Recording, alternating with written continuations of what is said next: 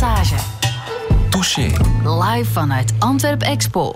Touché mag vandaag het deugdoende boekenfeest afsluiten vanuit een lege expohal in Antwerpen, maar met een overvolle anderhalve meter boekenplank die op het einde van deze Touché een lezer zal vinden. En daar zal mijn gast mee voor zorgen, Charlotte van den Broek. Goedemorgen. Goedemorgen, Frida. Auteur van de essaybundel Waagstukken en ook van de dichtbundels Chameleon en Nachtroer en van een nieuw boek Woordentemmen over poëzie schrijven. Jij kent dit gebouw natuurlijk als geen ander. Uh, hoe is het om in zo'n lege hal nu te zitten? Verrassend sereen als ik aan de voorgaande edities van de boekenbeurs denk, waar ik de gast mocht zijn. Ja, ja, ja want uh, qua constructie ligt het nu wel helemaal bloot. En je hebt een boek geschreven over architecten en hun bouwwerken. Kan mij voorstellen dat je dan op een andere manier wel kijkt naar gebouwen. Is dat zo bij jou? Ja, het is een beetje als ik rond mij kijk, zie ik hier alle buizen bloot liggen uh, als darmkanaal. Het heeft iets weg van een uh, metabolisme of zo, als je er kaal naar kijkt. Ik uh, moest weten wat de geschiedenis van dit gebouw was. Blijkbaar uh, begint de ontstaansgeschiedenis in 58. Weet jij er iets meer over? Ja, 58, dat heeft vermoedelijk met de wereldtentoonstelling te maken, Expo 58. Het uh, is een plek waar Renaat Braam zijn uh, gebouw heeft gezet. Een soort van uh, gebouw waar hij kon tonen wat, wat allemaal mogelijk was met architectuur. Dat alleen al is interessant. Daarna is het ontzettend veel verbouwd. Is het voor jou een goede bek, een plek om boekenbeurzen te organiseren? Zeker, alleen al qua oppervlakte. Er moet veel plaats zijn ja. om boeken te zetten. Ruimte. Ja, ja. Nu hopen uh, dat het volgend jaar terug zoals vanouds kan hè, in, uh, in dit gebouw. Je bent genomineerd voor de Boekenbon Literatuurprijs. Dat wordt nog heel erg spannend deze week. Donderdag ga je weten of jij degene bent die 50.000 euro op uh, haar rekening gestort krijgt. Ben je er al een beetje op voorbereid? Um, wel, het zal heel sober en digitaal allemaal verlopen. wars van alle uh, gala-activiteiten die normaal bij zo'n nominatie horen. Of een boekhandelstournee valt ook weg dit jaar. Maar de omkadering is heel attent. Gisteren kreeg ik uh, een pretpakket opgestuurd thuis met uh, een fles champagne en droge worst en walnootkaas om een beetje thuis een receptie te creëren voor moest het geval, um, het, voor het geval ik zou winnen. Ja. ja. en hoe laat moeten we paraat zitten? Wel, vanaf 17 uur kan je via een livestream de prijsuitreiking volgen. Vanaf 7 uur? Nee, 17 uur, 5 17 uur. uur. Ja, ja. oké. Okay. Hoe zou jij jezelf omschrijven, Charlotte? Ja, ik heb um, het geluk gehad dat ik nog nooit dat heb moeten doen op een sollicitatiegesprek of zo. Dan moet je zo ja. jezelf in vijf woorden um, samenvatten.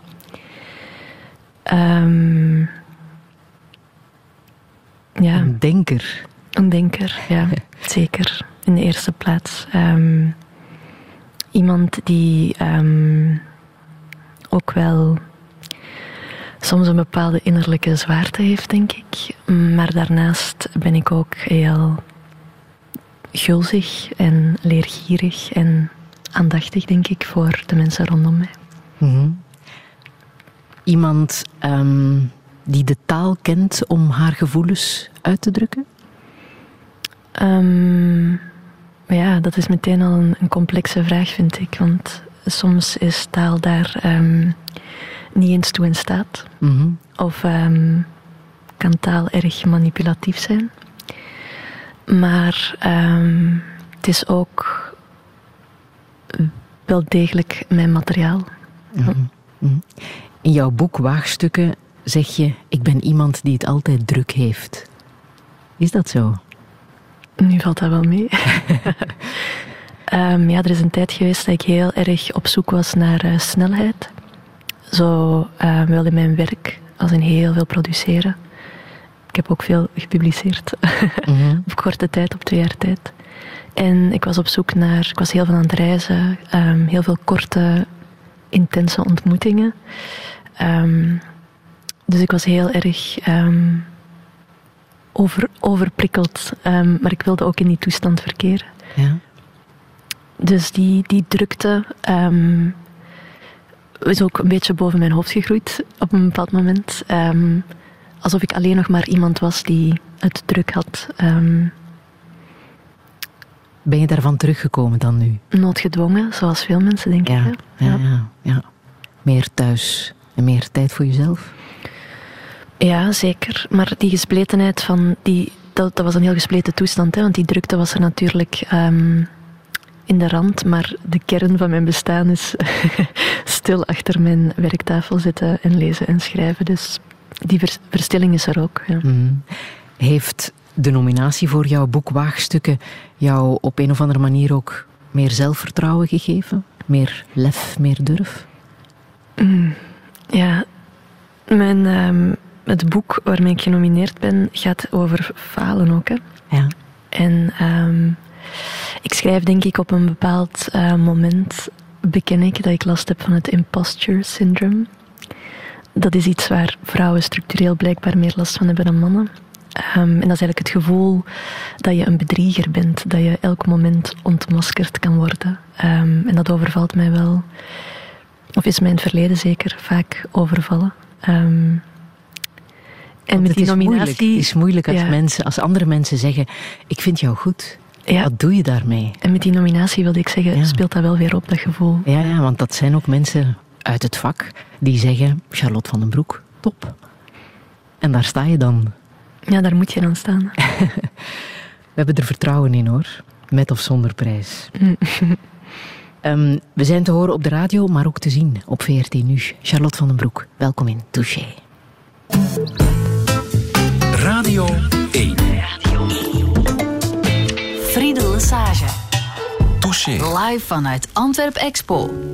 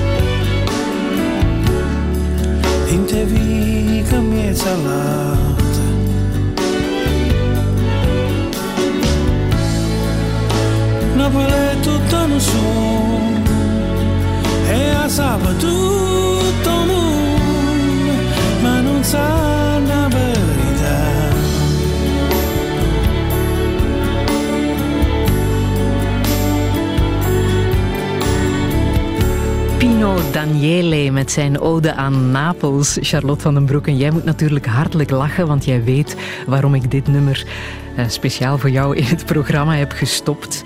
Jij hoort het terwijl je uh, in, uh, in waagstukken tenminste, terwijl je op bezoek bent in, uh, in Napels. Op zoek naar Villa Ebe. La, je mag het zelf vertellen. Ja, um, je hebt dat nummer daar te horen gekregen. Ja, in de keuken van Julia.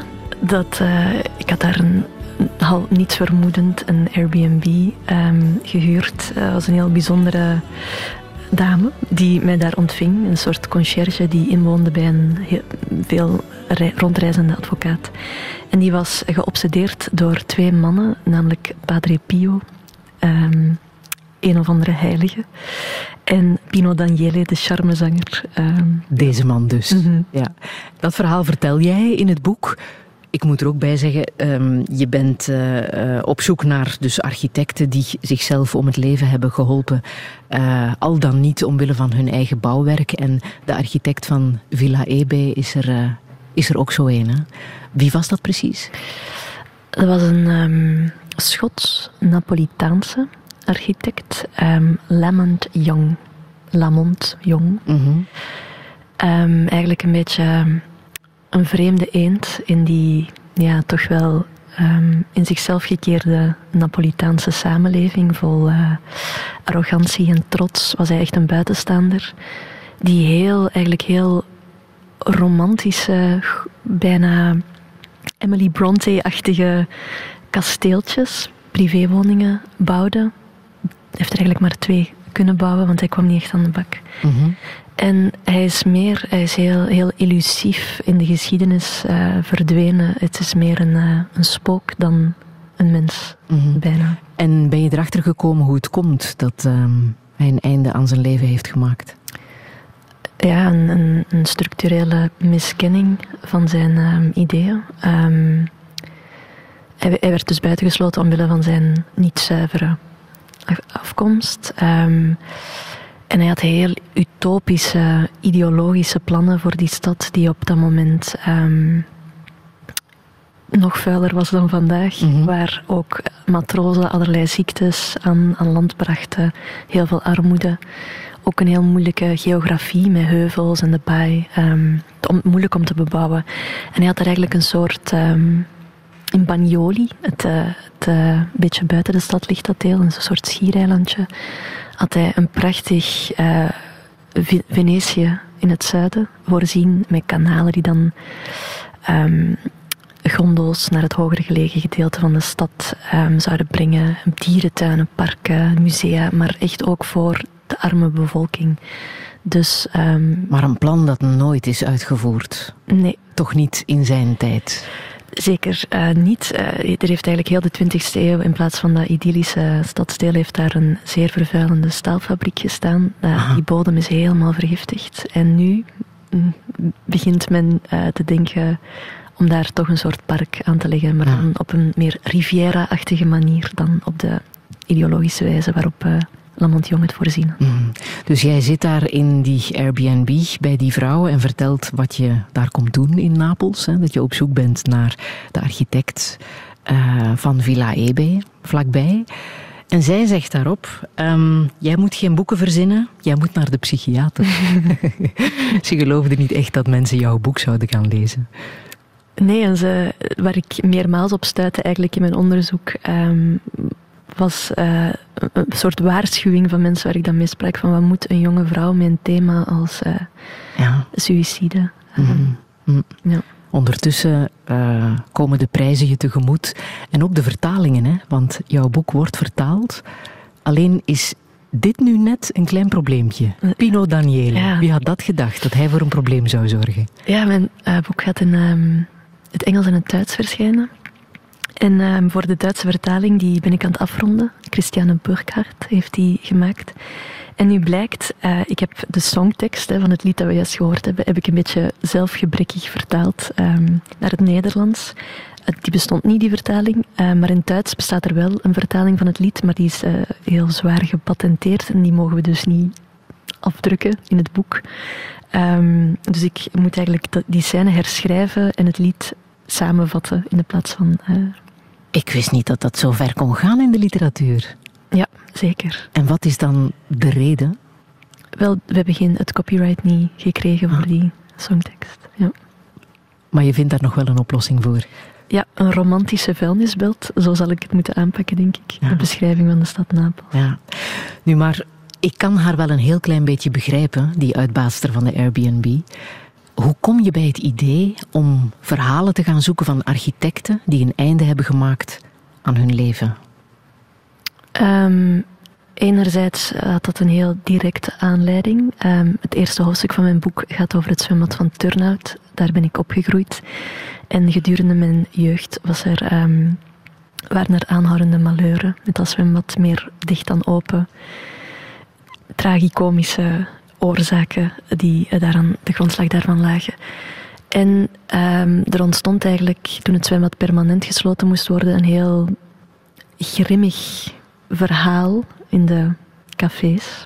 Een soort kleinstedelijke vergelding, denk ik, van allemaal ontevreden burgers die hun abonnement niet terugbetaald zagen. En die, die zeiden eigenlijk dat ehm, de architect zichzelf verhangen zou hebben in de kelder van dat zwembad. En ik heb dat altijd voor waar aangenomen. Ik ben dat verhaal eigenlijk pas gaan onderzoeken toen ik al met het boek bezig was. En blijkbaar is dat een mechanisme als een architect een ingreep doet in de openbare ruimte, ehm, een publiek gebouw neerpoot, dat het publiek ook ehm, zeggenschap heeft over dat gebouw. En als die ingreep mislukte en omsloeg in een verwoestend persoonlijk falen, dan zat daar blijkbaar iets ehm, wat ik wilde onderzoeken. En dat is dan uit de hand gelopen. in die zin dat ik ehm, ja, dertien verhalen, eigenlijk veel meer verhalen heb gevonden, maar ik heb er dertien uitgewerkt. En die link waar je eigenlijk naar vraagt, ehm, zit een beetje in mijn karakter in die zin dat die verhalen heel erg gaan over de vervlechting van persoon en werk. En hoe knullig het ook mag klinken, ik kan mij enorm mislukt voelen als ik de hele dag op een ehm, versregel heb zitten vroeten. En aan het einde van de dag moet ik die schoorvoetend terugwissen, omdat het toch niet was wat ik dacht dat het eh, zou moeten zijn. En dan kan ik mij ook echt ehm, mislukt voelen. En dat is natuurlijk op een heel pietluttige, kleine schaal, letterlijk de oppervlakte van een blad papier. Maar dat kreeg megalomane vertakking in de verhalen van die architectenlevens voor mij, die ja, om heel veel, vaak complexe en gelaagde redenen ook samenvielen met hun werk en hun identiteit niet meer los konden zien van ehm, hun wensen voor hun, hun artistieke praktijk. Dus ja, schaalvergroting is mijn antwoord. Ik zag ehm, een veel gevaarlijker parcours nog voor iets waar ik zelf op kleine schaal mee worstel. En heb je er een verklaring voor gevonden hoe het komt dat wij zo moeilijk eh, onze mislukkingen kunnen omarmen? Ehm, ja, daar zoek ik eigenlijk een antwoord op. Hè. Ehm, dat zal deels een karaktertrek zijn, denk ik, of een, een persoonlijke worsteling, maar voor een stuk denk ik ook dat dat wel echt ingebed zit in een, ehm, een, een, maatschappelijke manier waarom wij, eh, hoe wij met falen omgaan. Mhm. Ik ehm, krijg ondertussen echt de kriebels van een soort zelfhulpdiscours eh, rond mislukking, als in ehm, al die boutades. What doesn't kill you makes you stronger. Mhm. Failing forward. Alsof je altijd... eh, je mag wel mislukken, of eh, ja, het kan niet anders dat je eens een keer mislukt of faalt of, of dat voelt. Maar je moet er wel altijd beter uit worden. Of ehm, het moet je iets leren om in de toekomst eh, sterker en standvastiger te zijn. En dat is denk ik een heel ja, liberale, maar ook verkeerde manier om met falen om te gaan. Ja, want het is soms ook ontstellend hè, waarom bepaalde architecten uit het leven zijn gestapt. Eén daarvan eh, had een golfkoord aangelegd en het gras wou niet groeien. Ehm, een ander eh, had een eh, cinemacomplex eh, gebouwd en daar is het dak ingestort eh, vanwege een, eh, een, een te zware sneeuwstorm. Enfin, verhalen waarvan je kan denken, ja, het zijn geen redenen om een einde te maken aan je leven, toch? Ja, nu bij die, dat laatste voorbeeld dat je geeft, dat was eigenlijk wel echt een verschrikkelijke ramp. Hè. Er zijn 95 mensen om het leven gekomen, 114 gewonden. Ehm, daar, is, daar zou je nog een, een direct kausaal verband kunnen vermoeden. Uh, want daar was het Mhm. ook echt wel een, een, een slordigheidsfout waardoor die, die mensen het leven heeft geko- gekost. Maar tegelijkertijd ook een natuurramp. Hè? De natuur Ja. had daar ook zijn zegje in. Ja, en een heel ja, metaforische sneeuwstorm bijna. hè. Je kan je niet inbeelden dat er zich 7000 kilo sneeuw op een dak kan verzamelen. Maar in andere gevallen, zoals je terecht zegt, eh, is het op het eerste zicht ja, bijna, bijna komisch of zo. Hè? Want je, je stapt toch niet uit het leven omdat je, omdat je toiletten vergeet of omdat het gras niet wilt groeien. Maar daar gaan natuurlijk eh, heel menselijke verhalen aan vooraf van die feiten. Mhm. Over vereenzaming, over eh, depressie, over ehm, tegenkanting. Ook veel relationele verhalen. Hè? Ja, een aantal, ja. Mhm. Lightning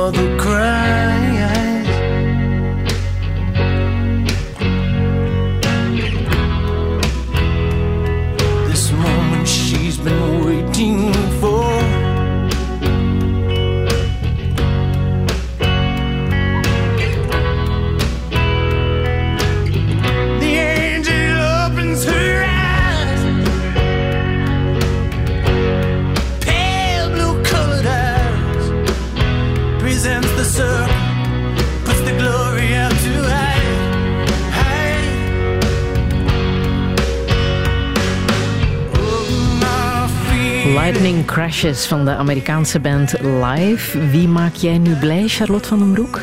Mijn mama. Ze heeft een goede muzieksmaak. Ja, ik ben echt opgegroeid met uh, Werchter-affiches van de jaren Echt waar? 90. Ja? En ik denk dat mijn ouders maar één keer per jaar niet thuis waren. En dat was eh, om naar Werchter te gaan. dus ik zit meteen in mijn kindertijd bij dit soort muziek. En wat voor iemand is jouw moeder? Een grote fan van live. Behalve dat. Ehm, een, eh, een heel ehm, lieve vrouw. Ja. Zij is eh, altijd verpleegster geweest. Dus dat, ehm, ik denk zo soms wel eens aan zo'n Victoriaanse trope van je hebt de femme fatale en de, de engelachtige, de engelachtige verpleegster, zeg maar. Eh, ja, daar moet ik soms aan denken, aan dat tweede beeld dan, aan de van Fatal. Uh, Ja. minder. En jouw vader? Mijn vader, eh, ja, mijn ouders zijn eigenlijk heel lieve mensen allebei. Ja. Ja. Hm. Ehm, maar er waren geen boeken bij jullie thuis, las ik. Nee. nee, het zijn geen lezers. Nee. Ja. En hoe kwam dat, dat er geen boeken of geen literatuur bij jullie thuis was? Geen idee. Ik denk ehm, dat ze zelf niet echt geen, het zijn zelf niet echt lezers, maar ik, eh, ik las als kind altijd heel veel. Ehm, ik herinner mij, ik had vroeger heel lang haar, dat dan mijn moeder altijd feunde als het gewassen werd. En dan las ik encyclopedieën, terwijl, terwijl mijn haar dan gedroogd werd. Ik, ik ging altijd elke week naar de bibliotheek en eh, wij hadden dan thuis zo de ECI, waaruit ik dan elk kwartaal een boek mocht kiezen. Dus eh, ik heb wel altijd... Ik ben er wel altijd in gestimuleerd geweest, ondanks het feit dat ze zelf misschien minder interesse hadden in... Ja, en meer dan, hè, want je bent zelfs Engelse en Duitse literatuur gaan eh, studeren. Dat is toch wel een enorme stap. Hoe ben je daar dan toe gekomen? Van waar die interesse dan? Ehm, ja, ik had. ehm, ik ben ook wel de, de eerste in de familie die naar de universiteit ging. Ja? Ehm, Hm. en misschien zo dan op de Kempische familiefeesten kwam dan wel de vraag van, ah ja, maar moet je dan helemaal naar Gent om boeken te gaan lezen? Je gaat toch op kot om geneeskunde of rechten te studeren. Dus ik, ik voelde wel een beetje ehm, op dat vlak mij soms een vreemde eend in de bijt. Maar ik, ehm, ik heb die studie gedaan ehm, en die heeft mij enorm gevormd. Ik was 18, ik was nog nooit in het buitenland geweest. Ook dat niet. Nee, ik was heel. ehm, toch misschien wereldvreemd op, op een bepaalde manier, denk ik. Ja? Of eh, heel beschermend ehm, opgegroeid. En ik ben dan op mijn 18 heel koortsig beginnen lezen. Ehm, elke week een Duitse en een Engelse roman, heel veel poëzie. En dat heeft mij ehm, ja, eensklaps eh ook volwassen gemaakt of zo, denk ik. Ja, ja. ja. Op een heel indirect Door en dankzij de literatuur. Het leven en de wereld eh, leren kennen. Ja, echt Ja. wel. Bijzondere is ook dat je na die opleiding ben je nog naar het conservatorium in Antwerpen getrokken om daar de woordafdeling te volgen. Eh, waarom wou je dat? Ehm, ik ben in mijn master, ehm, toen was ik 21, master Duitse letterkunde, zelf gedichten beginnen schrijven. En ik wilde ehm, mijn leven wijden aan de poëzie. en ik ehm, had op mijn achttiende een heel wankel eh, bedeesd verlangen om eh, acteren te gaan studeren aan Herman Terlink. En dan vier jaar later had ik de moed verzameld om ehm, toe- toelating te doen voor woord. Ehm, en zo heb ik mij vier jaar nog kunnen, had ik het nog kunnen uitstellen om eh, het echte leven, zeg maar, een job als ja, leerkracht of bediende bij de Fortisbank. Wat ga je doen met een mastertaal en letterkunde? Kon ik dan nog even voor mij uitschuiven. En, ehm, ja. In een geweldig gebouw is dat, hè? die opleiding Woord. eh, in eh, het Singelgebouw hier in Antwerpen, hier vlakbij trouwens, hè? vlakbij eh, Ja. de expo waar we nu zitten in deze lege hal. Een zeer inspirerend gebouw, denk ik, van architect Leon Stijn. En dat was toch in mijn geval zo, want ik heb dezelfde opleiding gevolgd Mhm. als jij. Was dat ook zo voor jou, dat dat gebouw toch ook wel iets doet met jou als student? Ja, je hebt het stuk van Leon Steinen en het stuk van Stefan Beel. Ja. Ehm, ik vind het soms eh, echt onwerkelijk hoeveel uren dat ik daar heb doorgebracht. Want uiteindelijk is het ook gewoon een openbaar gebouw. Ehm, en je, je hebt dan een soort eh, dagritme op een openbare plaats. Je zat daar soms van half negen s ochtends tot elf uur s avonds. Dat waren lange uren. Ehm, ik ken dat gebouw ook van binnen en van buiten. eh, door alle ho- hoeken en nissen waarin je soms kruipt als je niet weet waar je naartoe moet. Eh, ehm, ja, dus ik heb een heel eh, intieme relatie eigenlijk met een openbaar gebouw door die opleiding. Ja. Ja. En toen je dat eh, diploma op zak had, dacht je, wat doe ik daar nu mee? Had je een idee wat je, wat je wou? Jazeker. Ik zat ehm, in mijn masterwoord, ehm, was ik ondertussen 27. Ja. Ehm, zat ik heel erg met de vraag die ehm, in mijn boek ook heel erg naar voren komt: van ja, hoe, hoe ver ga je dan daarin of zo? En ik heb eh, op dat vlak een heel radicaal karakter, alles of niks. Maar als ik dan moest ik, ik had al twee dichtbundels gepubliceerd tijdens mijn opleiding, waarmee ik heel veel heb mogen doen. Maar als ik dan de rekening moest maken, dan ehm, dacht ik wel, ja, hoe ga je in godsnaam leven van poëzie? Mhm. En tegelijkertijd wist ik heel sterk dat ik niet nog iets anders kon gaan doen. Ehm, dus ik heb mij ook wel echt voorbereid op een leven. ehm, ik wilde er ook wel echt voor gaan of zo. Dus ik heb dan mij toch maar eh, de moed bij elkaar geraapt om mezelf als een voltijdse schrijver te zien. Over dat leven als eh, schrijver, daar praten we zo meteen over verder. Touché. Live vanuit Antwerp Expo.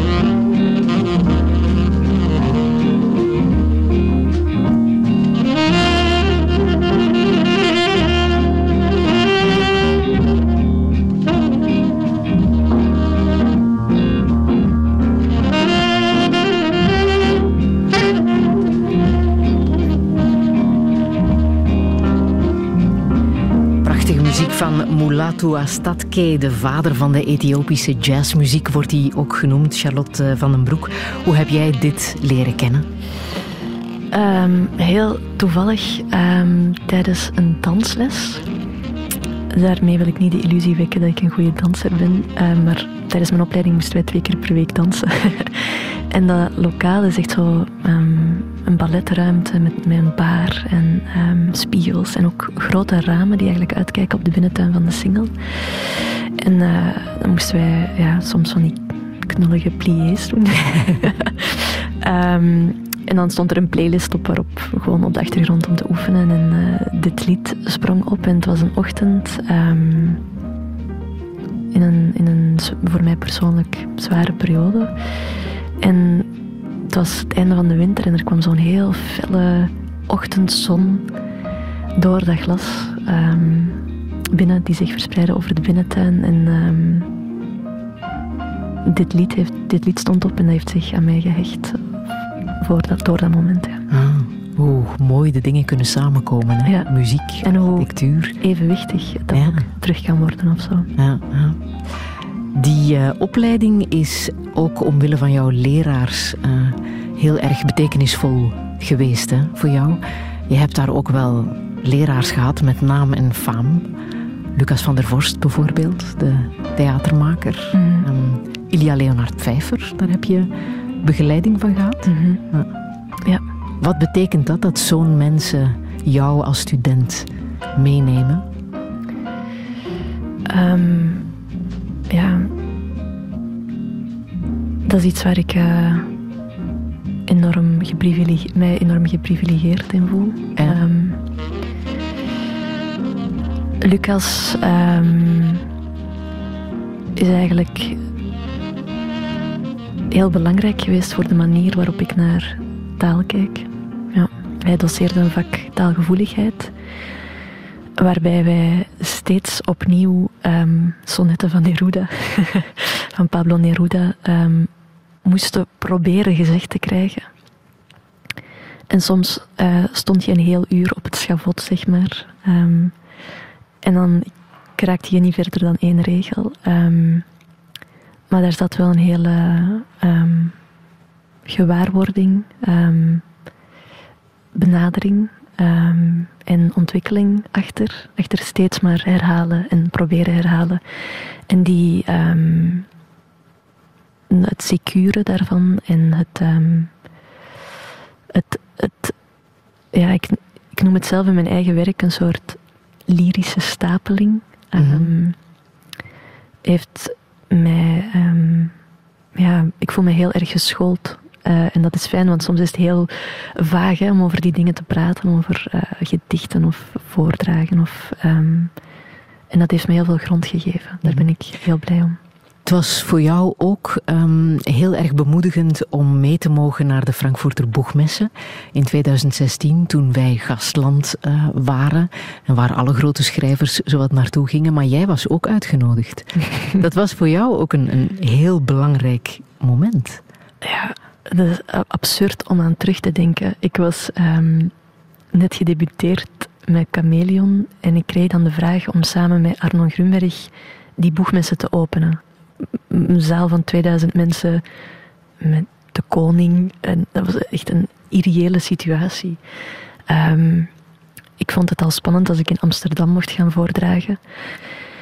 En die, die opening ehm, heeft heel het perspectief opengebroken. Ik werd opeens uitgenodigd op buitenlandse poëziefestivals. Er kwamen vertalingen. Ik ehm, kreeg ehm, een oprechte waardering van collega's. Ik- ja, het is absurd om aan terug te denken. Ja. Maar dat heeft voor mij wel veel... ja, dat heeft mij enorm veel moed gegeven. Ja, het zal ook wel geholpen hebben om effectief dat leven als schrijver aan te gaan. Ja, je moet wel hè, op zo'n moment. Ja. Of je moet doen, heel goed doen alsof. Ja. eh, ja. Maar lukt dat een beetje? Kan je leven van het schrijven? Ja, het is nu natuurlijk weer moeilijker, ehm, omdat er veel annulaties en Mhm. verplaatsingen en digitale ommezwaaien zijn. Maar ehm, ik ben niet de enige die in die situatie zit, dus daar... Ehm, ja, het is een heel onregelmatig leven. Dus ik, ik voel wel... vroeger was ik altijd heel eh, rebels tegenover 9-to-5 banen en te veel structuur, maar ik begin ook wel de heilzaamheid daarvan in te zien. Eh, en dat moet je natuurlijk helemaal zelf creëren. Ook op, op financieel vlak moet je Mhm. ehm, omgaan met het feit dat die structuur er niet is. Ja, het is geen- niet altijd een pretje, maar meestal is het ehm, een zalige vrijheid ook wel. Ja, en dat is niet alleen schrijven, maar inderdaad ook veel optreden, festivals in het buitenland waar je veel collega-schrijvers eh, mag ontmoeten. Zijn er ontmoetingen die zijn blijven plakken? Ja, zeker. Ehm een, een dichter die ik vaker heb, eh, waarmee ik vaker geprogrammeerd stond, is de Macedonische dichter. Nicola Matzirov heet hij. Over een paar jaar wint hij de Nobelprijs, denk ik. Die ehm, heel erg worstelt met een jeugd in ehm ex-Jugoslavië en alle moeilijkheden die daarmee gepaard gingen. En die prachtige gedichten schrijft, heel melancholisch. Maar die ehm, mij heel veel geleerd heeft. Een, een bekende uitspraak van hem is bijvoorbeeld: ehm, You don't finish a poem, you abandon a poem. Ehm, dus dat je je werk alleen maar kan verlaten in de plaats van dat jij degene bent die het afmaakt of zo. En tijdens een, een, een gesprek heeft hij onze beroepsbezigheden ook heel treffend gekarakteriseerd als ehm, dichters zijn handelaars in pijn. En dat wij een beetje zo de grenzen oversteken ehm, met een blad papier ehm, waarin we dan ja, iets proberen overdragen. dat, is- dat zijn gesprekken die ehm buiten wereld zijn bijna. Hè. Die staan zo ver af van uw dagelijkse, uw dagelijkse pragmatische taal of zo. En ehm, die ik heel erg koester. Ja. Ja. Stel dat je met jouw favoriete dichter Paul Celan nog zou kunnen spreken. Wat zou je aan hem vragen? Wat zou je hem zeggen? Oh, m- het is fantastisch om het mij voor te stellen dat ik hem zou kunnen spreken, maar ik denk dat wij ehm, allebei zwijgzaam in de kamer zouden zitten. Ja, denk je dat? Ehm, denk ik wel, ja. Ah. Hij is eh, ook een man die een zeer complexe relatie met taal had. Ehm, En een heel bijzonder leven heeft eh, geleid. zeker, ja. Ouders verloren in de holocaust. Mhm. Maar zelf ook dat heeft overleefd. Maar wel een einde heeft gemaakt aan zijn leven ook. Hè? Ja, in 1970 heeft hij zich in de scène in Parijs geworpen. Ja, ja die, die complexiteit eh, van de taal, die was voor hem zeer ehm, tastbaar door het verleden. Zijn eigen, hij was een Roemeense, Hij was een Duitsstalige Roemeense Jood, die dan zijn ouders verloor inderdaad in concentratiekampen. En die dus eigenlijk sprak in de taal van de moordenaars van zijn familie. Dus dat is al een enorm zwaar gegeven. Die dan ehm, naar Frankrijk is verhuisd, maar wel in het Duits is blijven schrijven, maar in het Frans sprak eigenlijk ook.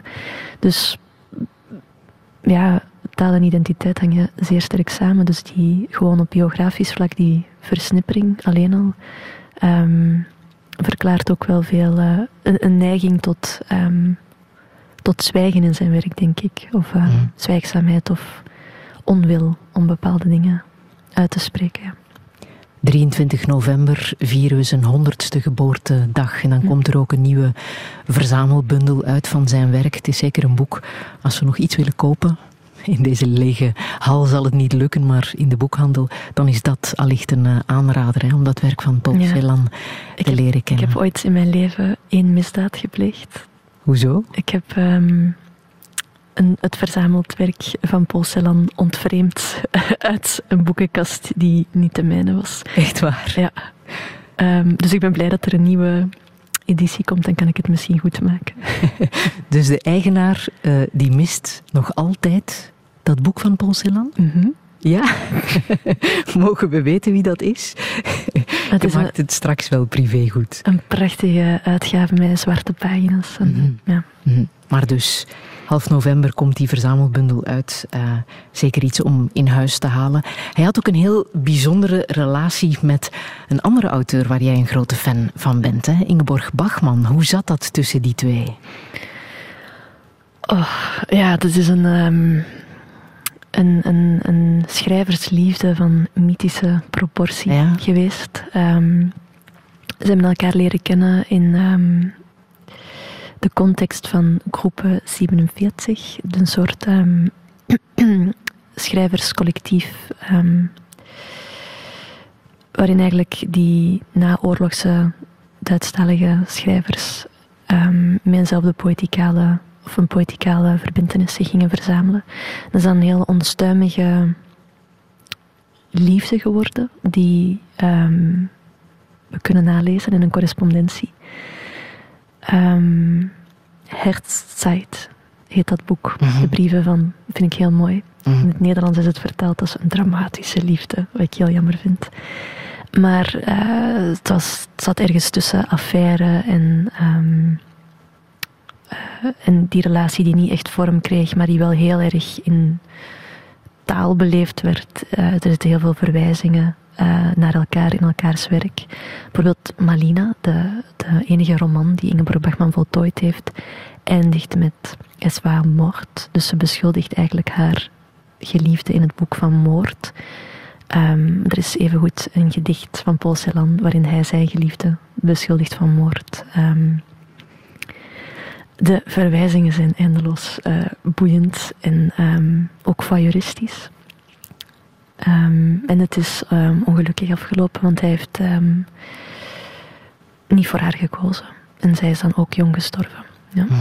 Maar Malina, ook een boek dat we op ons lijstje mogen zetten. Hè? Dat boek van eh, Ingeborg Bachman. Je krijgt er nu nog rillingen van. Ja, ik heb het eh, al heel vaak gelezen. Ehm, ik neem het ook vaak mee in bad. Dus die, dat boek is zo heel... Het is een paperbekje van um, Zuurkamp Verlaag. Het is helemaal verk- verkreukt van de vochtigheid van Ja. het opstromende badwater. Eh, ik heb er mijn thesis over geschreven. Ehm, het is mij aangeraden door mijn professor letterkunde destijds. eh, die dat gevoelsmatig perfect ge- Die dacht, dat is iets voor Charlotte. ja, ik weet niet op basis waarvan hij het dacht. Maar dat is, heeft voor mij ehm, echt ehm, ja, een wereld opengezet, dat boek. Het is heel onstuimig, eh, gewelddadig, snel, eh, expressief, emotioneel eh, geschreven. Het is echt in het rond trappende taal. Ja.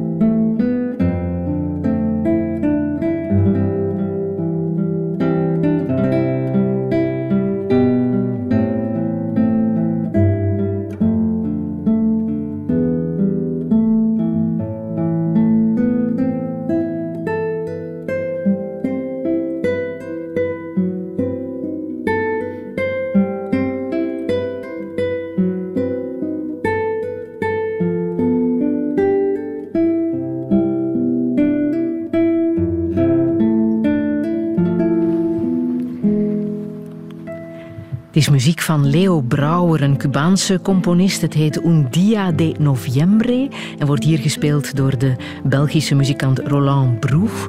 Charlotte van den Broek, had het gekund dat jij dit live speelde vandaag? Absoluut niet. ik, ehm, ik heb wel klassieke gitaar gespeeld, Ja. van mijn 8 tot mijn 16. En je hebt eigenlijk- over dit stuk, ik, had eigenlijk het antwoord, ik, ik kende eigenlijk het antwoord al, want het staat in jouw boek. Mhm. Wil je lezen wat je hierover schrijft, over dit prachtige stukje muziek? Ja, het is het laatste stuk dat ik ooit eh, ingestudeerd heb voor de klassieke gitaar. Mijn gitaarleraar had het stuk van Brouwer uitgekozen voor mijn tweede graadsexamen en speelde het voor in zijn onderschatte virtuositeit. Andante cantabile, driekwartsmaat. Een groot en onmogelijk Zuiders geluk wordt bespeeld en betreurd. Er ging iets verloren in die muziek. Iets wat onfeilbaar mooi moet zijn geweest, ontegensprekelijk. En toen het een paar maten verder daadwerkelijk verloren bleek, liep ik onder water. Tegen de tijd dat hij het beginthema herhaalde, was het onomkeerbaar. De muziek was al partituur geworden van mijn geluk en mijn treurnis en mijn onmogelijkheid. Als ik zou moeten omschrijven wat er gebeurde, zou het in de buurt komen te zeggen dat ik gedurende die noten even groter was dan mijn ongemakkelijke 16-jarige lijf. Een fysieke gewaarwording. Alsof mijn lichaam ter plekke te klein voor me was geworden, nu er zich in mij een grootse beweging voltrok. Haarscherp herinner ik me dit moment als het moment waarop ik de eerste keer melancholie ervoer. Een gesleur en getrek in mijn binnenste. Toen mijn leraar de laatste noot, hoge mi in fermate, zachtjes liet uitsterven, wilde ik het opnieuw. Wekenlang heb ik zelf op de melancholie geoefend, door de eelt op mijn vingertoppen heen. S'nachts bleef de melodie doorklinken in mijn slaap. Maar hoe meer ik oefende, hoe minder het klonk als dat eerste verhevigde horen. Dan niet. Uiteindelijk heb ik het examen niet afgelegd en nadien nooit meer gespeeld. Dat meen je echt. Nooit meer gespeeld. Nee. Het ging zo diep. Ja, dat was echt voor mij een heel... ehm, dat was echt een mislukkingsmoment in mijn leven. Ja. Ik... ehm, ik had een heel sterk gevoel, zoals ik het juist probeerde te vatten in, in die zinnen daar. Een heel sterke emotionele reactie. Ehm, en ik kon die zelf niet overbrengen. Dus ik, ik, ik was misschien ook niet technisch onderlicht genoeg op dat moment, maar ik had ook niet... Het stokte. En, en dat vond ik heel ehm, pijnlijk, teleurstellend. Ja. Melancholie, is dat ook wat je vindt in dit schilderij waar de cover eh, van gemaakt is, tenminste wat heeft gediend als cover voor jouw boek Waagstukken. Het is eh, het schilderij van Alice Lowry, Seascape. Schilderij dat je ook hebt gezien in het museum van Glasgow. Het is een van de verhalen in eh, Waagstukken. Waarom heb je hiervoor gekozen? Ja, omdat er voor mij in dat beeld, in dat lege beeld eigenlijk, hè, want het is, er zitten vier tonen in, vier tinten, Ja. meer is het ook niet, een lege zee, kwam er heel veel ehm, samen van de dingen waar ik over aan het nadenken was in mijn onderzoek en in mijn boek. En Alice Laurie, zijn oeuvre heeft een enorme metaforische lading, in die zin dat je zijn carrière zou kunnen onderverdelen in drie fases. Aanvankelijk schilderde hij ehm, heel drukke fabriekstaferelen, eh, industriële schoorstenen, arbeiders, machines. En in de tweede fase van zijn werk heeft hij alle achtergrond weggehaald. Dus je zag eigenlijk ehm, al die figuurtjes nog steeds en al die voorwerpen, maar echt totaal geen architecturaal of, of landschapskader er rond. En dan in het laatste deel van zijn leven heeft hij alleen nog maar seascapes geschilderd, dus lege doeken. En ehm, om, dat leek mij zo ehm, juist voor wat ik wilde vertellen, namelijk dat voltooiing en leegte soms samenkomen ehm, in, een, in, een, in een, artistieke praktijk of in een kunstenaarsleven, ehm, dat ik dat beeld niet meer kon loszien van het boek ook niet en het is de cover geworden. Ja, prachtige cover. Wij eh, praten hier zo meteen verder vanuit deze lege expohal in eh, Antwerpen over jouw eh, boeken, over waagstukken en over jouw eh, dichtbundels. En we gaan ook die anderhalve meter boekenplank ehm, aan een, eh, een lezer bezorgen. Hè. Dat doen we straks na het nieuws. Radio 1. Friede Lesage. Touché. Live vanuit Antwerp Expo. Touché live vanuit een lege expohal in Antwerpen, inderdaad. Maar met een volle anderhalve meter boekenplank die hier over een klein uur verhuist naar een gelukkige lezer die zich deze week kenbaar heeft gemaakt via hashtag Boekenfeest. Het laatste boek dat we eraan toevoegen is dat van mijn gast vandaag, Charlotte van den Broek. Zij schreef de essaybundel Waagstukken over architecten die ten onder zijn gegaan aan hun eigen creaties. Donderdag weet ze of met dit boek ook de Boekenbon Literatuurprijs, de vroegere ACO, wint. Met dank aan het zwembad van Turnhout, haar leraars aan het conservatorium, dat mooie gebouw van Leon Steinen hier vlakbij. Dank ook aan Peter Verhelst, Paul Celan en Ingeborg Bachman, die haar de vele mogelijkheden van literatuur bijbracht, eh, bijbrachten liever. Maar hoe moet het verder? Kan je leven van de literatuur? Komt het nog goed met Amerika? En kan poëzie de wereld redden? Dit is Touché op de radio, maar ook te zien op VRT Nu met Charlotte van den Broek. Een goede middag.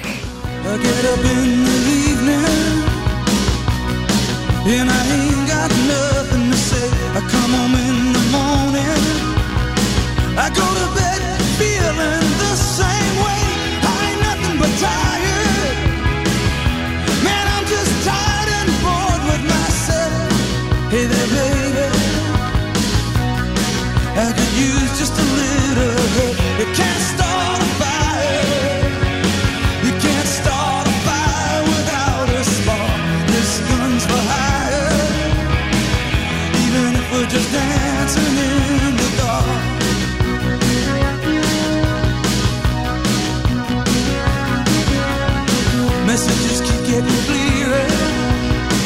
Radio's on and I'm moving round the place. I check my look in the mirror. Wanna change my clothes, my hair, my face, and I ain't getting nowhere. I'm just living in a dump like this. There's something happening somewhere. Baby, I just know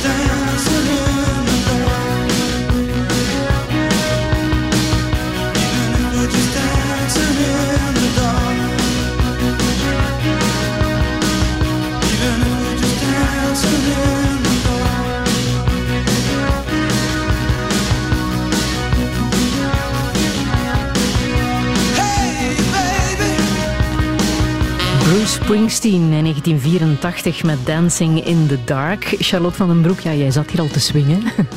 Het is jouw lijflied. Swingen. Ja. Ja, dat is mijn lijflied. Ja. Ja. Dat is mijn lievelingsnummer. Ja, het is een eh, man die zich ook ehm, openlijk heeft eh, laten horen als het gaat over de verkiezingen in Amerika. Was niet bepaald een Trump-aanhanger en dat mocht iedereen weten. Op welke manier heb jij de Amerikaanse verkiezingen gevolgd? Ehm, ik was eigenlijk hoopvol de hele tijd. Ja? Dus ik ben heel blij met de uitslag. Ehm, maar ik, ik was, ik, in 2016 had ik het echt niet zien aankomen. Eh, was ik heel verontwaardigd. Maar kon ik ook niet verder komen dan die verontwaardiging of zo. En nu ehm, was ik, had, ik, had ik niet kunnen denken dat het opnieuw Trump zou worden. En dat is gelukkig ook niet gebeurd. Dus, eh, ja. Je hebt ook voor dit boek Wachtstukken een paar reizen gemaakt naar Amerika. Ehm, hoe heb jij het land en de mensen ervaren daar? Ehm, het was de eerste keer dat ik naar de VS ging eh, in het kader van mijn boek. Ik heb daar ehm, de Oostkust bezocht, Philadelphia, New Jersey, Washington State, eh, Washington en ook een stukje Virginia. En dan ben ik ook naar de Midwest gereisd, naar Colorado. En ehm, ja, ik was daar op een vreemd historisch moment in Washington, want dat was in januari 2019 en dan was de government shutdown volop bezig. Dus ehm, die administratieve hoofdstad Washington was compleet verlaten, als in een post-apocalyptische film. Ehm, en er waren heel veel mensen die hun job kwijt waren, die niet konden werken en die dan ehm, zich heel snel omscholen tot Uber-chauffeur of eh, takeaway driver. Of... Dus je zag wel ehm, heel directe gevolgen eigenlijk van eh, Trump zijn koppig beentje dat stijf werd gehouden. Ehm, maar ook, je voelde, zeker onder leeftijdsgenoten die ik sprak, voelde je wel heel erg eh, het, Europese perspectief van de clown die Trump is. Maar toen ik naar het Midwesten reisde, is, eh, kantelde dat volledig. Ehm, ik was daar eh, in van die verlaten motels in de Rocky Mountains. En daar lagen kranten aan het ontbijtbuffet waarin er pro-Trump opiniestukken stonden. En ja, je weet wel dat hij aanhangers heeft en dat dat bestaat natuurlijk, maar ik had, kon mij dat vanuit mijn Europees standpunt niet inbeelden dat er eh, dat soort stukken in de krant verschenen. Dus eh, die, die gespletenheid ehm, was heel tastbaar. En ik hoorde ook, we logeerden bij een vriendin, ehm, die zei, ja, dat heeft in mijn familie ook echt eh, een, een weg gedreven. we praten niet meer met de nonkels die op Trump hebben gestemd aan de familietafel bij kerst. Dus die, die gespletenheid was toen heel erg aanwezig en die is alleen maar versterkt, denk ik, in deze verkiezingen. Ja. Heb jij je daar veilig gevoeld? Ehm, ja, zeker. Ehm, zeker wel. Op een bepaalde momenten ook onveilig. Ik reisde ook door Baltimore. Dat is blijkbaar de murder capital of the United States. Ehm, en op een bepaald moment eh, heb ik ook iets onveiligs meegemaakt. Hoezo?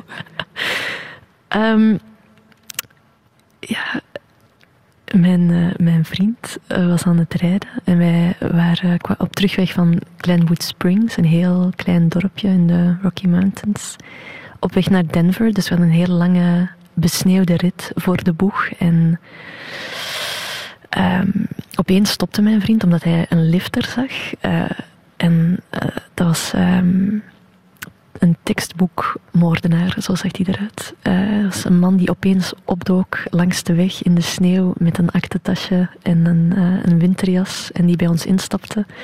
Bleek hij een soort, ehm, helemaal geen gestrande reiziger te zijn, maar een, een soort highway preacher die ehm, bij mensen in de, in de wagen stapte om het woord van Christus te verkondigen. En ik had een heel penetrante geur. Ik herinner mij die geur tot de dag van vandaag. En die ehm, schoof een bebloede foto van Jezus Christus met een doornenkroon onder mijn ogen. Het was echt eh, af- afschuwelijk eh, griezelig. En eh, qua, qua Trumpiaanse fantasie, hij was echt een fantast. Hij zei, als jullie door deze tunnel rijden en jullie knallen op de muur, dan zal God jullie lichamen redden. En hij was echt heel moordlustige scenario's aan het voorschotelen aan ons. Ehm, en dan hebben we hem er ook heel vlug terug uitgegooid. Lijkt een scène uit een film of een boek. Ja, Ja. Je hebt er ook een, een, een vuurwapen vastgehad, hè? Tijdens een van jouw eh, bezoeken daar in Amerika. Ja, dat klopt. Dat was ook de eerste keer dat ik een, een geweer, of ja, een pistool vasthield. Ehm, ik was op bezoek bij de kleinzoon van de architect uit het laatste hoofdstuk, Star Gideon Kempf, die ehm, daar toevallig was om het huis leeg te maken. En die ehm, ik twee dagen heb kunnen spreken over zijn grootvader. Wat heel intens was, want eh, de andere architecten zijn natuurlijk ehm, al 200 jaar of langer ehm, dood. Dus die hebben de soort de abstractie van een historische figuur mee. Maar ja, als, je, als het over iemand zijn grootvader gaat, dan is dat natuurlijk veel eh, dichterbij. Die had wel een heel verstoorde band met zijn grootvader als een heel gewelddadige, ehm, ja, agressieve, moeilijke man. Ehm, het is geen gelukkige herinnering aan zijn grootvader, maar dat maakte hem wel heel spraakzaam. En op een rare manier was hij ook heel beschermend over het werk van zijn grootvader en alles wat met die zelfdoding te maken had. En hij had het geweer dus nog ehm, eh, liggen, waarmee Sarginion Kemp zich van het leven had beroofd. En eh, hij legde dat ook zo doodgewoon in mijn hand. Eh, ook macabere omstandigheden, ja. Ja, maar zo gaan de Amerikanen ook om met wapens. Dat is gewoon aanwezig in huis. Ja, Zo voelbaar was het. Je kan je dat niet, niet voorstellen. Nee, het was trouwens een, eh, een pistool van Belgische maker. Ja. Dus Hm. ook eh, daar toeval. Als we nu eens terugblikken op die vier jaar Trump, is er misschien één iets wat hij ons wel heeft bijgebracht, dan is het de term fake news. Zijn we bewuster eh, omgegaan met die term fake news de voorbije vier jaar? Ehm, ja, het heeft ehm, zich gezet, zeker, zeker en vast die term. Ehm, ik vind het een van de angsta- meest angstaanjagende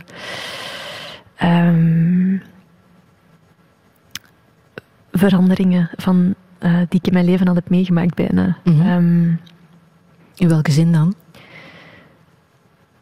ja, er is heel veel ehm, filosofie die het heeft over werkelijkheid en waarheid. Maar, ehm, dus, maar dit is een absolute pervertering van, van die begrippen, vind ik. Ehm, vanaf als je eh, zo bewust en doelgericht liegt en andere waarheden gaat construeren, dan verlies je alle grip. En ook als je kijkt naar complottheorieën die ontstaan, of, ehm, of mensen die, die zo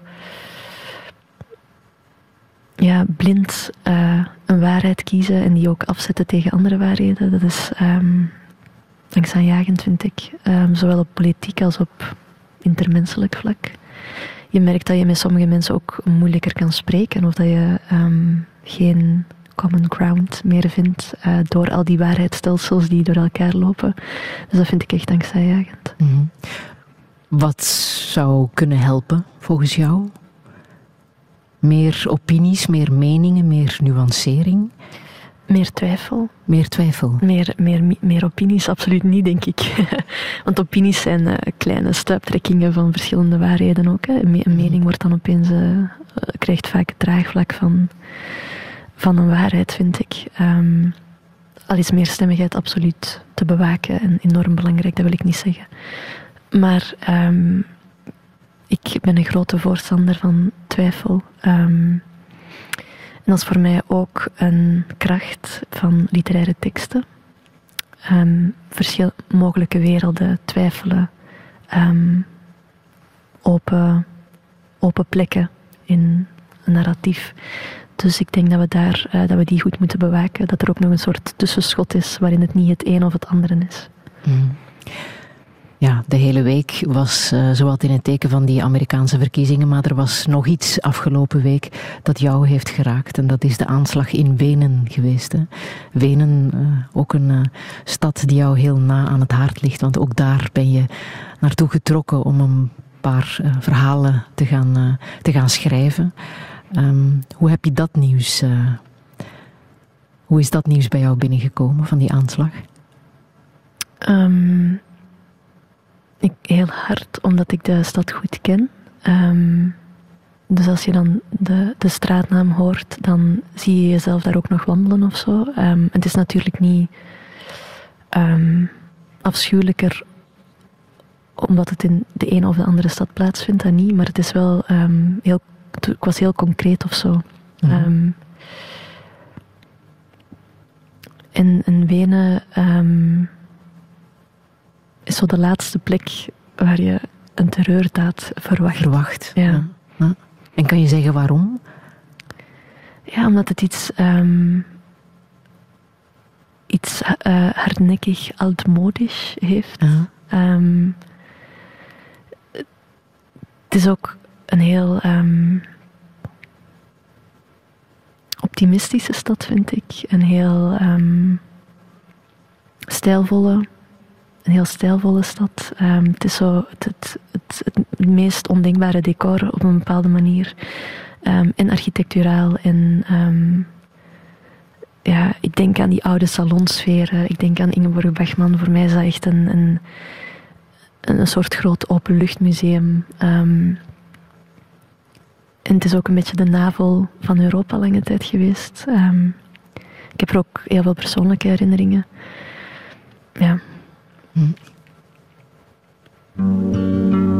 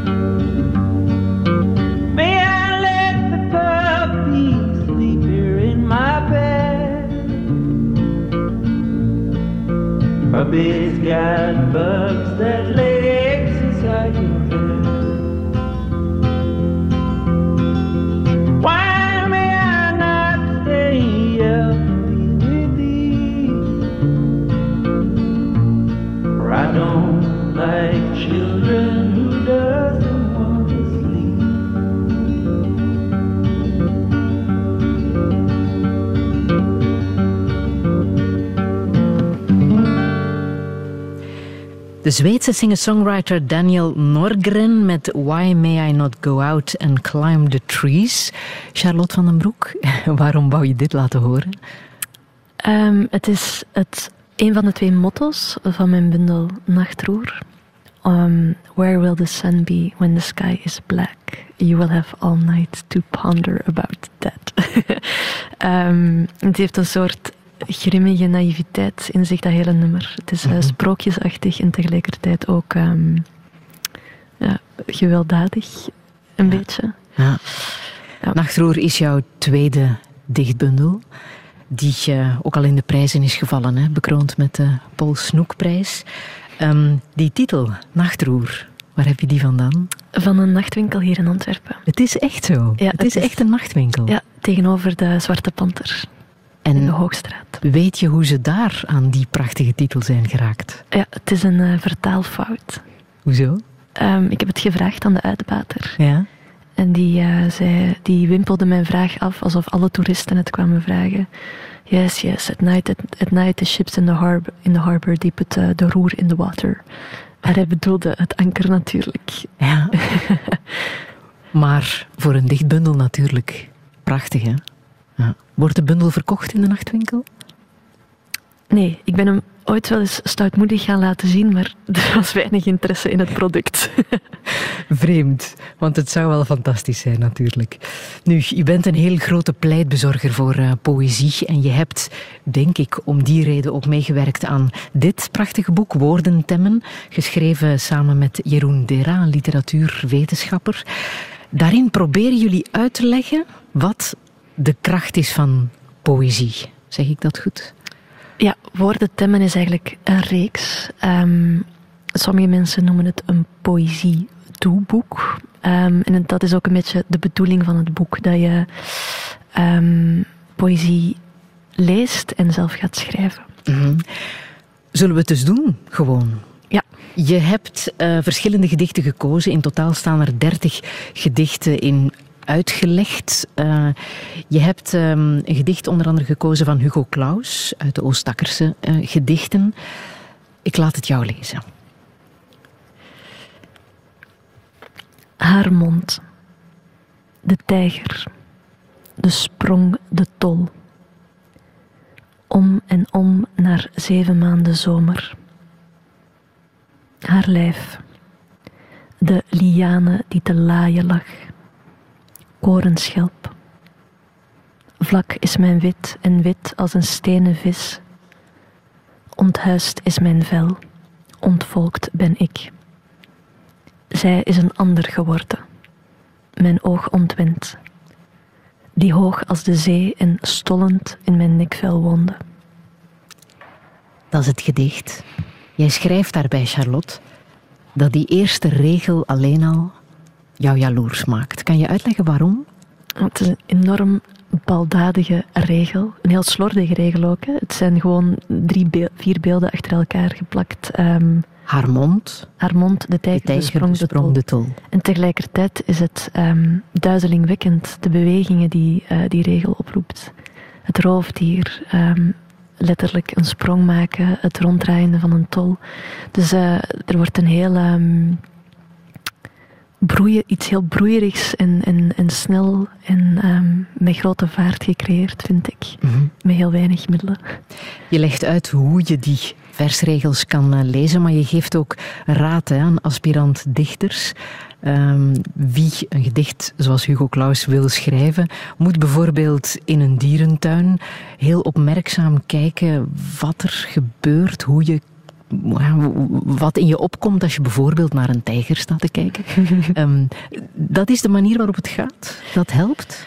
Nu wil ik eigenlijk wel verduidelijken dat het niet eh, de manier is eh, om het gedicht te lezen. Het, boek is, het boek is eigenlijk echt opgebouwd rond ehm, mogelijke manieren om eh, geprikkeld te worden door een gedicht. En dat bedoel ik heel letterlijk als in ehm, lichamelijke prikkelingen. hè. Mhm. Waar ruik je, wat zie je, wat voel je. En ehm, dat is zeker niet de interpretatie of de lezing of de manier. Maar ehm, het zijn ehm,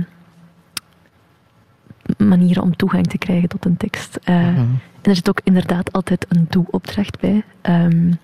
Want je denkt misschien dat je heel geconcentreerd aan je bureau moet gaan zitten en dat het dan moet komen of zo. Terwijl Hugo Claus was eh, blijkbaar zelf iemand die een zakboekje meenam naar de dierentuin of naar het Natuurhistorisch Museum en eh, aantekeningen maakte.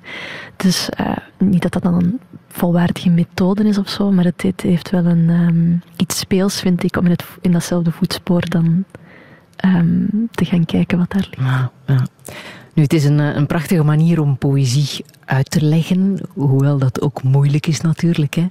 Ehm, het is even mooi om gewoon de poëzie te lezen en Mhm. daar ook niet te veel achter te zoeken. Maar denk je dat je met poëzie de wereld kan verbeteren? Kan poëzie zo krachtig zijn dat het ons anders kan doen denken? Ehm, dat is meteen ook wel eh, ja, een heel hoge verwachting die de poëzie dan moet waarmaken of zo. Mhm. Ehm, nee, letterlijk kan poëzie de wereld niet redden. Terwijl het kan tegelijkertijd van ehm, enorme betekenis zijn, maar natuurlijk niet op een, op een heel tastbare manier of zo. Hè. Daar, eh, daar maak ik me geen illusies over. En wat betekent poëzie voor jou persoonlijk? Ach, ja, ik heb. ehm, toen ik eh, begon met poëzie schrijven, kon ik niet vermoeden. ehm, ik, zat eh, ergens wel eh, met, met vragen over de relatie tussen taal en werkelijkheid. ehm, die ik dacht dat de poëzie kon overbruggen.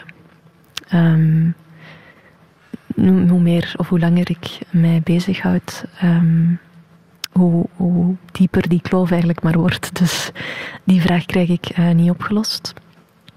Maar eh, meer en meer begin ik het, begin ik het als een, eh, een daad van rebellie te omarmen. Poëzie schrijven, omdat het eh, heerlijk onbeslist is op een bepaalde manier, omdat het niet op zoek gaat naar vastgelegde betekenissen of ehm, eenduidige uitspraken of, of richtlijnen. Integendeel, het, is, het breekt juist ehm, stellingen open en mm, ja, bij uitstek een manier om te twijfelen. Wist je trouwens dat de nieuwe Amerikaanse president Joe Biden van het stotteren is afgeholpen door poëzie te lezen? Nee, dat Kijk waar het allemaal goed voor kan zijn. Maar er zijn ook wel landen die op een totaal andere manier omgaan met poëzie. Hè. Zo wil jij bijvoorbeeld heel graag eens naar het eh, Medellin Poëziefestival in Colombia, omdat die betekenis daar van poëzie veel grootser is dan wij hier kennen. Ja, misschien stel ik het mij ook eh, te romantisch voor of zo. Ehm, Ehm, maar ik herinner mij dat ik in 2016, geloof ik, een foto zag van Stefan Hertmans. Die was uitgenodigd op uh, Medellin Festival. En die was van achter genomen. En je zag hem dus uh, lezen in een heel voetbalstadion vol met mensen die zich hadden verzameld om naar die, naar die lezing te komen. Medellin is een soort. Ja,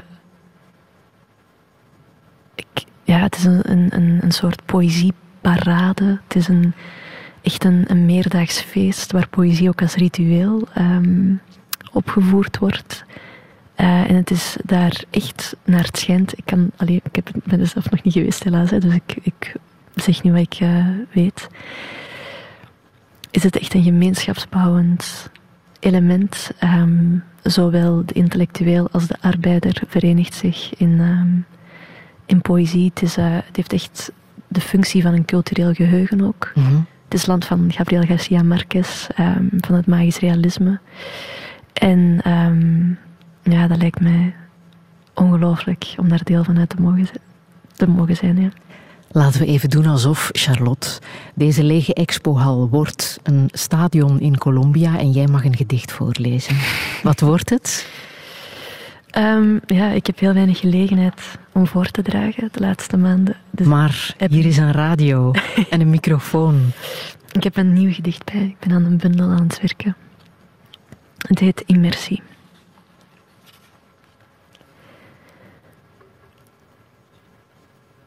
Waarom zie ik wit als ontmanteld licht? Waarom geloof ik niet wat een loodrechte zon kan aanrichten? Nog steeds niet. Waarom ligt er geen schaduw onder de hemel in herhaling? Rood, oranje, rood ontsteekt de dag. Waarom sleept het uur zich uitgeput naar haar brandpunt? Wat is afstand? Anders dan een zich stapelende zandmassa, het staat al tot de kin. Waarom komt het niet tot verdrinking? Zelfs in al haar uitgestrektheid breekt de zwerftocht op.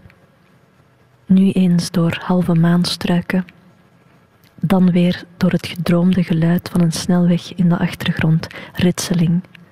Waarheen schiet de hagedis? Waarom lispelt de hitte bezweringen?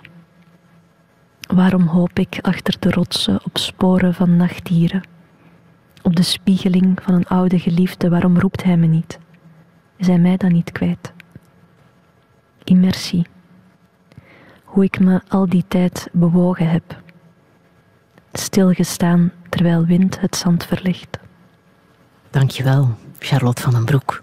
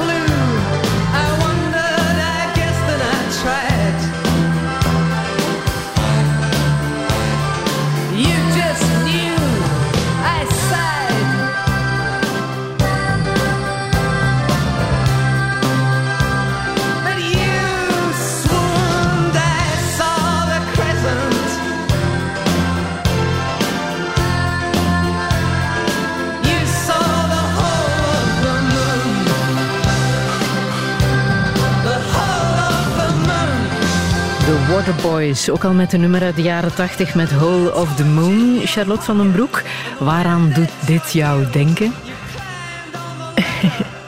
Ehm, als ik ooit zou trouwen, dan eh, mag dit de openingsdans op mijn trouw worden. Echt waar? Ja. En dat trouwen, is dat een eh, plan of een droom? Nee, ook niet. Eh, Maar moest, moest iemand het ooit heel graag willen, dan kan het. Ik zag trouwens op jouw Instagram jezelf in, in trouwjurk. Je bent dus wel al gaan passen. Ja, mijn vriendinnen hebben mij dat ooit cadeau gedaan voor mijn verjaardag. Ik vind het een heel raar cadeau nog steeds. Ehm, ze dachten dat ze mij daar een plezier mee zouden doen, denk ik. Eh, ja, Maar het was alvast een goede oefening, denk ik. Hè?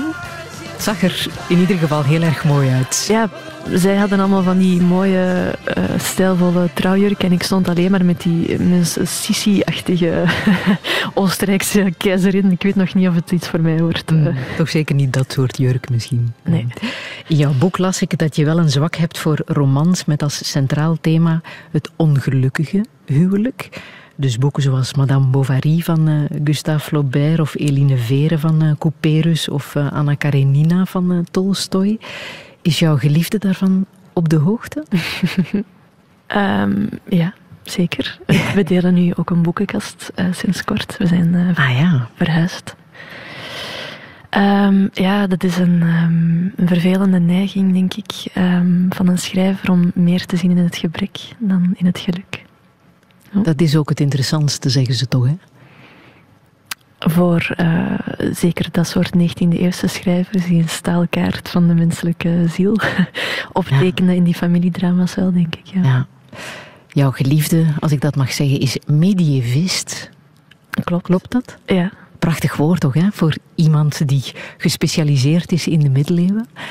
Ik probeer mij voor te stellen wat dat geeft bij het ontbijt. Een gesprek tussen jullie bij de koffie. Hoe gaat dat?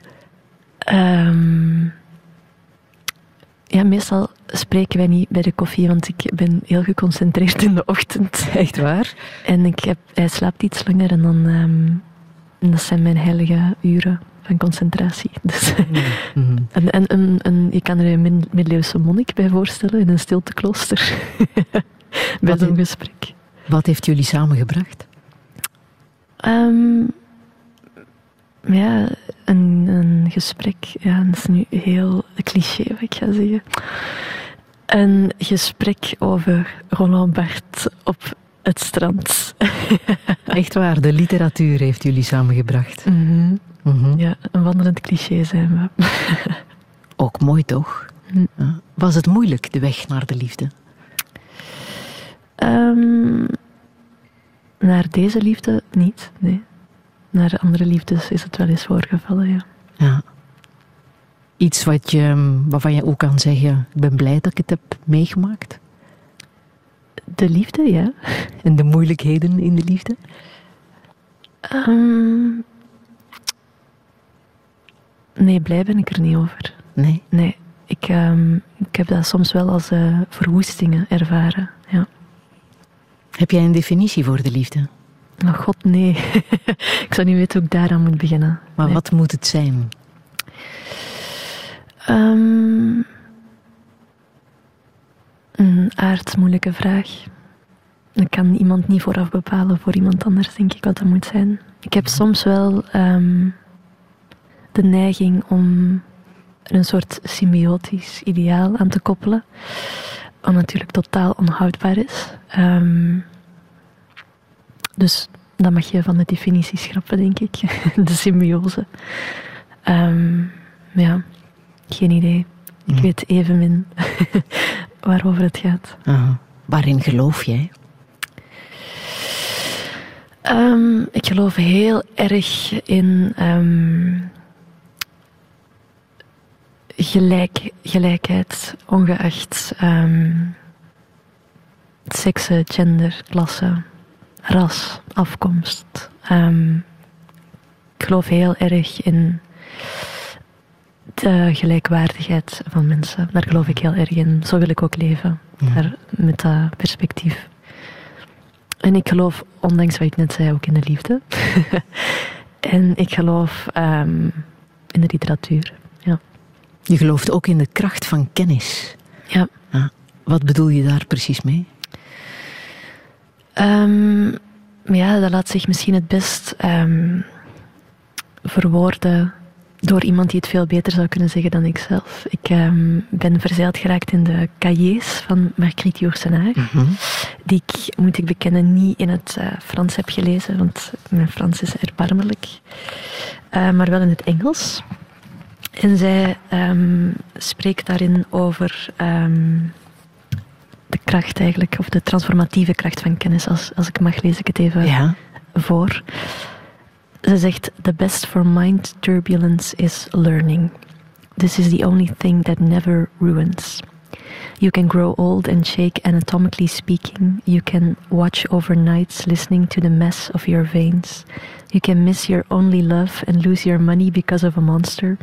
You can see the world around you devastated by dangerous, crazy people, or knowing that your honor is trampled in the sewers of the most vile minds.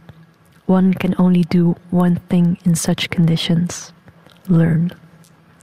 Vrij vertaald, hoe zou je het met je eigen woorden zeggen? Ehm, de transformatieve kracht van kennis. Blijven leren. Je kan, eh, de wereld kan op heel veel manieren uitzichtloos zijn. Ehm, dangerous, crazy people. Denk maar aan Trump, waar we het net over hadden. Of eh, verwoestende omstandigheden in je persoonlijke leven. Verlies, verdriet. Ehm, maar ik geloof wel heel erg sterk dat je door dingen te leren, en dat hoeft niet heel cerebraal of intellectueel te zijn, het kan ook eh, veel, veel meer op een vaardigheid gericht zijn of zo, dat je ehm, een verandering teweeg kan brengen. Ja.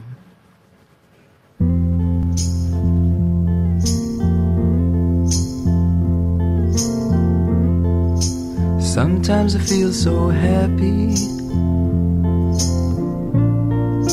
Sometimes I feel so sad. Sometimes I feel so happy. But mostly you just make me mad. Baby, you just make me mad. linger on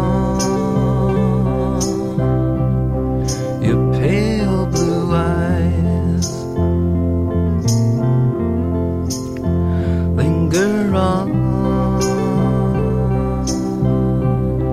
your pale blue eyes.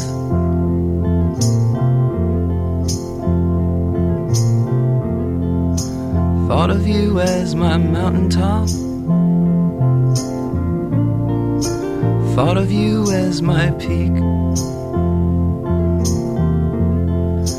Thought of you as everything I've had but couldn't keep. I've had but couldn't keep. Linger on your pale blue eyes. Linger on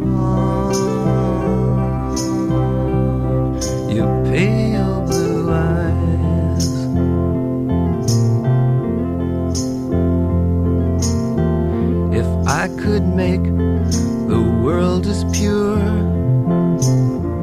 and strange as what I see. I'd put you in the mirror I put in front of me.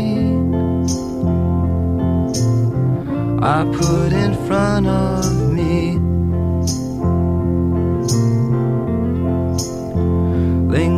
wrong.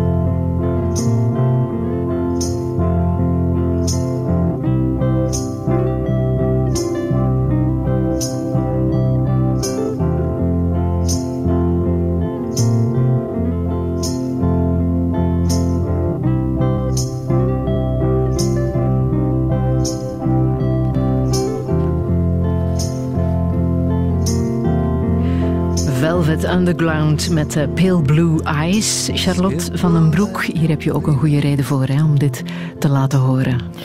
Ja, dat is um, het favoriete autonummer van mij en mijn vriend. En om op die definitie van de liefde terecht te komen, misschien uh, vatten de openingslyrics van dit nummer het wel. Hè? Sometimes you make me happy, sometimes you make me sad. But en mostly, dat is het. Mostly you just make me mad. dat is het leven, dat is de liefde. Ja. Je wordt er volgend jaar 30, hè? Ja. klopt toch? Ja, klopt. Ja. Kijk je daar naar uit? Um, ik heb er nog niet veel ideeën over, over mijn dertigste levensjaar. Het komt een beetje hard aan het zo zegt. Oh, excuseer Charlotte. maar wat zou je echt nog willen in het leven? Behalve dan die uh, literatuurprijs winnen, donderdag. Daar duimen we voor. Maar behalve dat? Um, ja, naar het Medien Festival gaan, waar we het net over hadden. Um, en ik zou graag um, boeken schrijven. Ja. Dat is 30, 40 jaar. Ja, daar kunnen wij jou alleen maar in steunen natuurlijk, hè, als lezers. Ik vraag ook altijd naar een boodschap op het einde van uh, Touché. Een boodschap die je in je eigen boek mag schrijven, waagstukken. En in dit geval is dat voor uh, de lezer die zo meteen de anderhalve meter boekenplank gaat winnen, Charlotte. Ik heb ook aan jou gevraagd om een keuze te maken. Ja. Tussen al die foto's die zijn ingestuurd met hashtag boekenfeest. Dat was al een feest op zich om naar die foto's te kijken. Ja, maar wie heb jij daar uitgepikt? Wie mag die anderhalve meter boekenplank in zijn huis stationeren? Ja, ik heb een, een foto gekozen. Um, en ik was een beetje jaloers dat ik er niet bij mocht zijn. het was een, een, rood verlichte kamer met een enorm gevulde, robuuste boekenkast, een uh, verlichte globe en een theekrantje. Uh, een man die een theekrantje hield met zichzelf voor zijn boekenkast. En ik um, heb een zwak voor kitsch. En ik zag daar zo'n theepot staan van zo'n Chinese kat. Ja. Dus ik, uh, ik, vond het een heel, ik vond het een jaloersmakend tafereel. Die foto is ingestuurd door Maarten van Nieuwenhoven. Dag Maarten, goedemiddag. Goedemiddag, Frida en Charlotte. Proficiat, je hebt anderhalve meter boeken gewonnen. Dat is uh, geweldig nieuws. Mijn hart gaat er echt letterlijk en figuurlijk uh, sneller van slaan. Is het waar? Het is te danken aan Charlotte. Hè. Ze heeft voor jouw uh, foto gekozen. Was dat in scène gezet of is dat echt jouw interieur? Wel, het interieur is echt, hè, en ik zit hier ook weer net vlak voor die boekenkasten. Ja. Maar we hebben besloten hè, voor de foto en voor het hele boekenfeest, en omdat we heel vaak binnen zitten, eh, toch net iets anders dan gewoonlijk te doen. Dus we hebben de lampjes die we sowieso in huis hebben in het appartement wel verzameld rondom ons met toch een deel daarvan het dekentje uit de zetel naar de grond verplaatst. En dan wil dat heel lang eens scrabbelen. En dat komt er niet altijd van. En dit was dan eigenlijk het moment om een soort ja, literair getinte scrabble te spelen op dat dekentje, omringd door die boeken en ja, door de gezellige lichtjes. Heb je het boekenfeest ook gevolgd op Radio 1? Ja, zeker. Niet, niet, niet ieder uur, maar elke dag hebben we wel stukjes opgepikt. En wat zeker. voor boeken uh, lees jij het liefst? Kan ik meteen al even checken Ah, het gaat- in, op de plank of er wat tussen staat dat je meteen kan vastgrijpen? Oh ja, maar we hebben het, eh, ja, we hebben echt vol spanning gevolgd. En ik, ja, ik heb al een hele lijst eigenlijk van dingen die ik onmiddellijk wil lezen. ik denk aan Buzz Aldrin, ik denk aan James Salter, aan, ja, ik heb Marcel ooit gelezen van Evan Mortier jaren geleden. Hij dat vervolg, nu ben ik heel benieuwd naar Americana. Eh, ik werk in mijn job, hè. ik geef les op de hogeschool. Eh, en ik leid leraren Nederlands in wording op. Eh, we hebben net gewerkt aan graphic novels. Eh, ook daar zit wel iets tussen. Japin. Dus ja, noem maar op. We zijn enorm blij. Ja, en wat lees je het, het liefst qua genre? Ehm, als ik echt moet kiezen, dan is het vooral autobiografische fictie. En dan denk ik aan Ocean Vuong, aan Deborah Levy, eh, Patti Smith, maar ook Edouard Louis bijvoorbeeld. Ja, die vermenging eigenlijk van het literaire en het echte leven, de, de dingen die ze echt hebben meegemaakt. Maarten van Nieuwenhoven, ik ben ervan overtuigd dat je zal beginnen met het laatste boek dat vandaag aan de plank wordt toegevoegd. Want dat boek Waagstukken van Charlotte van den Broek gaat ook jouw kant uit. En dat is ook autobiografische, zijn autobiografische verhalen, dus daar ga je zeker plezier aan beleven. Ik wens jou eh, zeer veel leesgenot. Maarten, Heel, heel erg bedankt. Echt waar. dat is met plezier gedaan. Het komt jouw richting uit. Charlotte, we hebben iemand gelukkig dankjewel. gemaakt. Fijn, hè? Zalig. Ja. Mag ik jou nog gelukkig maken met Survivor van Destiny's Child? Waarom wil je dat nog laten horen? Absoluut, dat kan er altijd in. Ja, ehm, dat nummer is een beetje misschien eh, op het randje van Beyoncé-feminisme, waar van alles over te zeggen valt, maar het is ook echt het oerlied van mij en mijn twee beste vriendinnen. Voilà, laten we het Ja. knallen.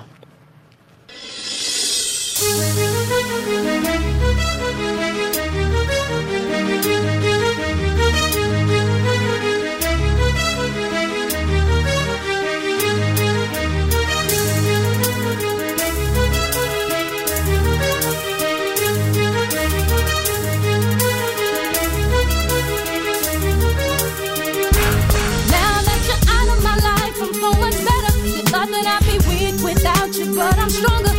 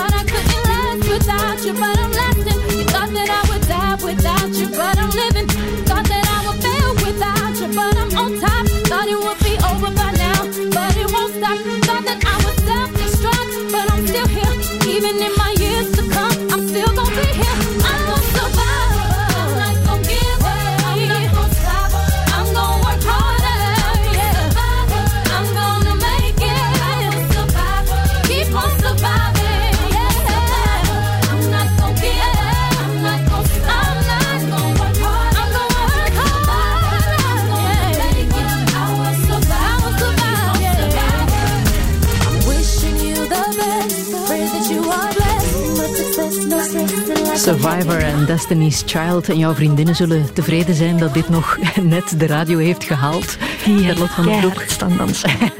En die zie je ook straks. Ja.